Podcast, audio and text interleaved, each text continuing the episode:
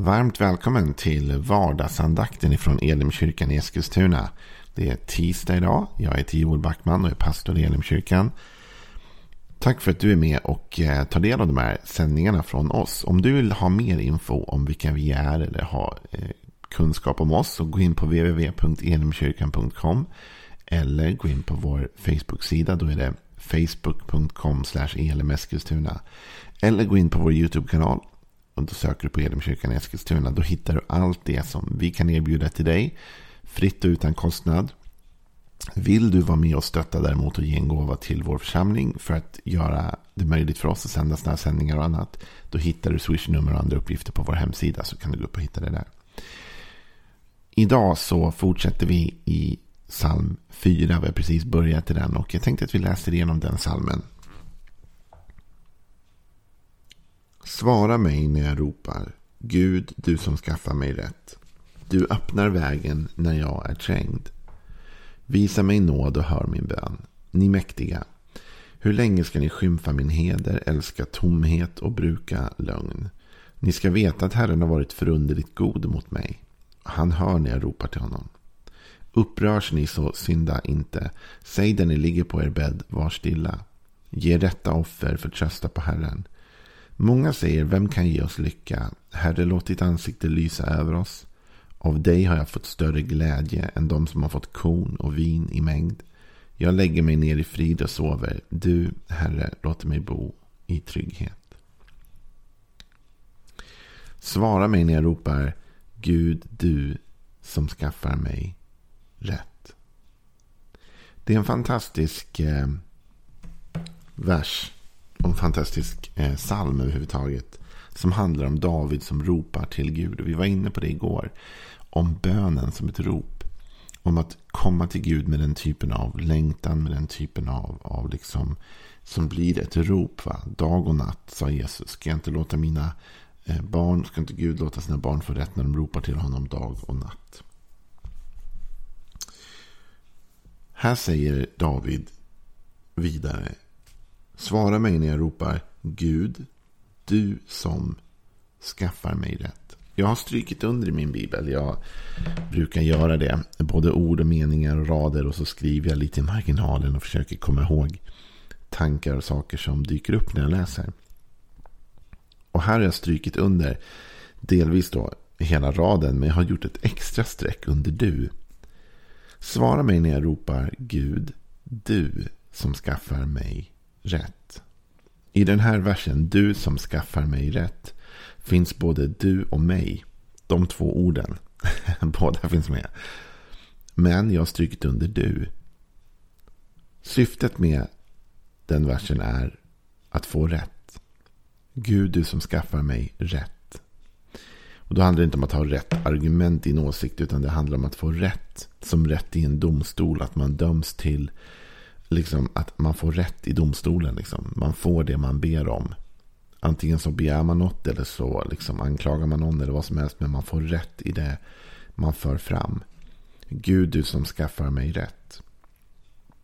Och tänk egentligen vad kort den här versen är och vad mycket sanning den ger oss. och vad mycket den avslöjar om oss själva och vårt eget böneliv. Det finns så viktigt va, att när vi riktar vår bön att vi riktar den till Gud. Men sen också att vi förväntar oss saker av Gud. Jag sa det igår att vi måste förvänta oss ett svar. David säger svara mig när jag ropar. Så David ropar inte bara ut en frustration. Han ropar ut en frustration om bön. Men han förväntar sig också ett svar. Så han säger svara mig Gud när jag ropar. Gud, du som skaffar mig rätt. Med andra ord, jag förväntar mig att du ska ge mig rätt. Jag förväntar mig att du ska höra min bön och att du ska agera på min bön. Bön är inte bara ett sätt att prata av sig. Det kan vara det. Det finns tillfällen då bönen blir en bikt. Eller då bönen blir ett tillfälle då jag mer vill få samla mina tankar och uttrycka dem inför Gud. Jag vill ha någon som lyssnar på det jag har. Det jag tänker, det jag vill säga. Jag vill få prata av mig. Liksom i brist på bättre uttryck. Men här i den här bönen så handlar det inte bara om att prata av sig. Utan David är desperat. Han är så desperat att hans bön har förvandlats från ett lugnt samtal med Gud till ett rop. Till ett enträget liksom driv gentemot Gud. Och det drivet, vad handlar det om? Det handlar om att få rätt. Det handlar om att Gud ska döma rätt. Att Gud ska ge honom det han har rätt till. Att Gud ska ge honom det han behöver. Att Gud ska svara på hans bön och hans åkallan. Men det finns en viktig distinktion här. Och det är att överlät, överläta, överlåta domen eller dömandet eller beslutet åt Gud. Att det faktiskt inte är du och jag som är de som dömer. Gud är domaren. I Bibeln målas det ibland upp detta domstolsscenario. Inte minst i Jobs bok så, så nämns djävulen som åklagaren och så Gud som domaren och allt detta liksom. Gud är domaren i något stort system. Men det handlar inte bara om att bli anklagad eller åklagad för saker och ting. Djävulen han gör ju det bästa han kan såklart för att ständigt sätta dit oss. Få oss på fall då liksom. Men det handlar också om att få rätt. Man kan gå till en domstol för att man är åklagad för någonting och då måste man stå till svars för någonting. Och Bibeln säger att då har vi en som för vår talan. Han heter Jesus Kristus. Men det är inte bara därför man går till en domstol. Ibland går man till en domstol därför att man vill få rätt. Därför att man tycker att man har rätt till någonting som man inte har fått. Därför att man tycker att någon är skyldig någon en någonting och man tänker begära det nu, kräva in det. Man tycker jag har rätt till detta, jag har rättigheter som jag inte har fått utnyttja och nu vill jag att den här domaren ska döma till min rätt. Jag vill att han ska bekräfta att jag har rätt till något och att han ska ge mig den rätten i domstol så att jag kan leva ut eller göra det här som jag vill eller har tänkt. Och ibland när vi kommer till Gud så, så kommer vi inför domstolen med som, som åklagare eller åklagade. Vi känner att vi, vi anklagar oss själva eller vi känner att någon annan anklagar oss. Och vi kommer inför Gud därför vi vill få bekänna vår synd och vi vill få be om förlåtelse. Och då vet vi att Jesus Kristus finns där som den som betalar priset för oss. Han är den som tar straffet för oss. Men vi måste ändå bekänna och erkänna synd såklart. Men ibland kommer vi till Gud, inte därför att vi behöver bekänna synd. Eller därför att vi är direkt anklagade för någonting. Utan vi kommer till Gud därför att vi vill ha någonting. Vi längtar efter någonting som vi inte riktigt kan uppnå själva. Vi behöver att Gud dömer i vår favör. Vi behöver att Gud ger oss sitt ja. Vi behöver att den här domstolen dömer till vår fördel. Och då säger David, Gud, du som skaffar mig rätt. Och det är viktigt att vi förstår det i vår bön, för annars kommer vi försöka skaffa vår egen rätt. Jag har skämtat om det i många predikningar och eh, säger det då och då. Att ett av de vanligare scenarierna som händer när jag ber ibland är att jag börjar be om någonting.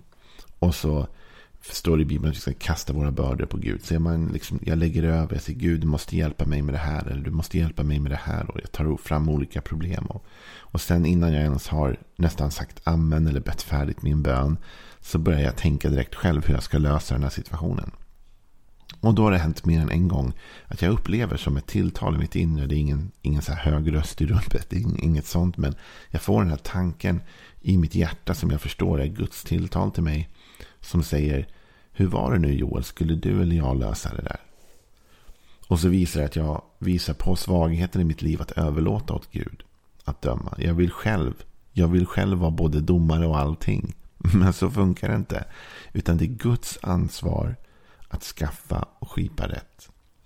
Men jag får komma till honom med min bön. Jag får lägga fram min sak inför honom. Jag får ropa till honom. Jag får vara som den där änkan vi läste om i gårdagens andakt. Som går till den orättfärdige domaren. Gång på gång på gång på gång. Och domaren vill inte ens ge henne. Han bryr sig inte om henne. Han vill inte ge henne rätt.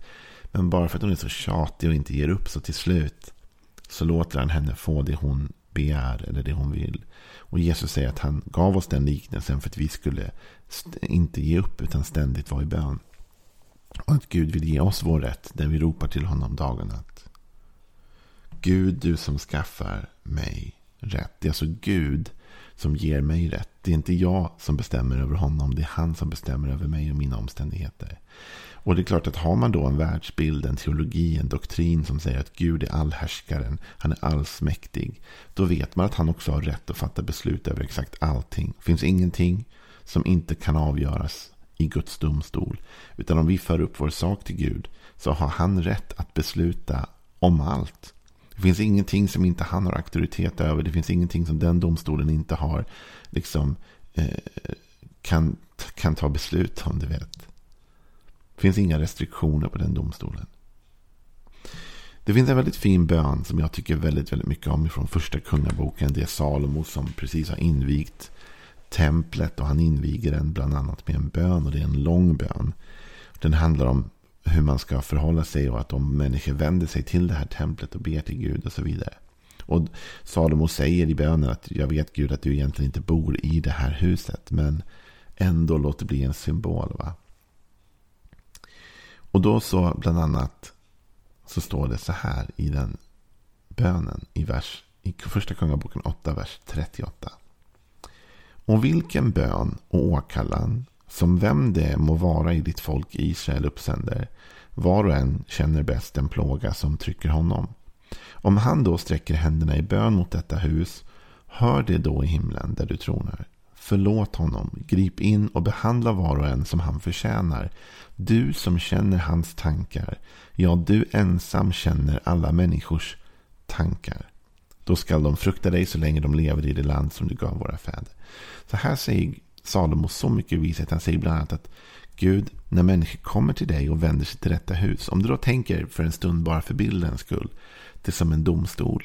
Du tänker Guds hus också som platsen där saker avgörs och beslutas. Där man frikänns eller fälls eller där man får rätt eller man får fel. Och du kommer till den domstolen, du vänder dig mot den, så säger Salomo för det första Gud hör den bönen, vem det är som ber. Och, och vad det än är för bön. Och så säger han, var och en känner bäst den plåga som trycker honom. Du vet, jag vet ju inte vad du har för problem som lyssnar på det här idag. Jag vet inte i vilket område av livet du känner att du behöver få rätt. Eller du känner att du behöver få med dig himmelen liksom, i ett beslut. Men jag vet att Gud vill höra din bön. Och att när du vänder dig till hans hus, vad det än är du ber om. Det kanske inte är en plåga för andra, men för dig är det en plåga. Du får vända dig till hans hus och du får lyfta upp den bönen inför honom. Då säger också psalmen så här, förlåt honom, grip in, alltså var aktiv Gud och behandla var och en som han förtjänar. Du som känner hans tankar, ja du ensam känner alla människors tankar. Det här är det viktiga med att Gud är domaren. Det är att Gud ensam känner allt. Det är därför Gud är en rättvis domare. Därför Gud vet alla perspektiv, han vet alla sammanhang, han vet allt som ligger bakom. Han vet allting om olika saker. Allt som inte vi vet. Jag läste i en bok nyligen eh, om eh, en man som heter Kenneth Hagen som berättade om att Gud hade lärt honom en sak för att det var i ett sammanhang då någon hade skvallrat om någon pastor som hade misslyckats. Och, och Hagen hade väl sagt bara då att jag liksom, det, typ vem, vem, vem gör så liksom? Det kan väl vem som helst förstå om man inte ska bete sig så, typ. Och sen hade Gud gått till rätta med Hagen och sagt att eh, Liksom, varför, varför, vad, liksom, vad vet du om det? Och, eh, liksom, varför dömer du min tjänare? Och han sa, jag dömde inte. Jag sa bara att så där borde man väl förstått att man inte skulle göra. Typ. Och Gud sa, jo men du dömer. Och så sa Gud så här, vet du vilken präst den pastorn var under? Och Hagen sa, nej det vet jag inte. Vet du omständigheterna kring det som hände? Och då sa Hagen, nej Gud det vet jag inte heller.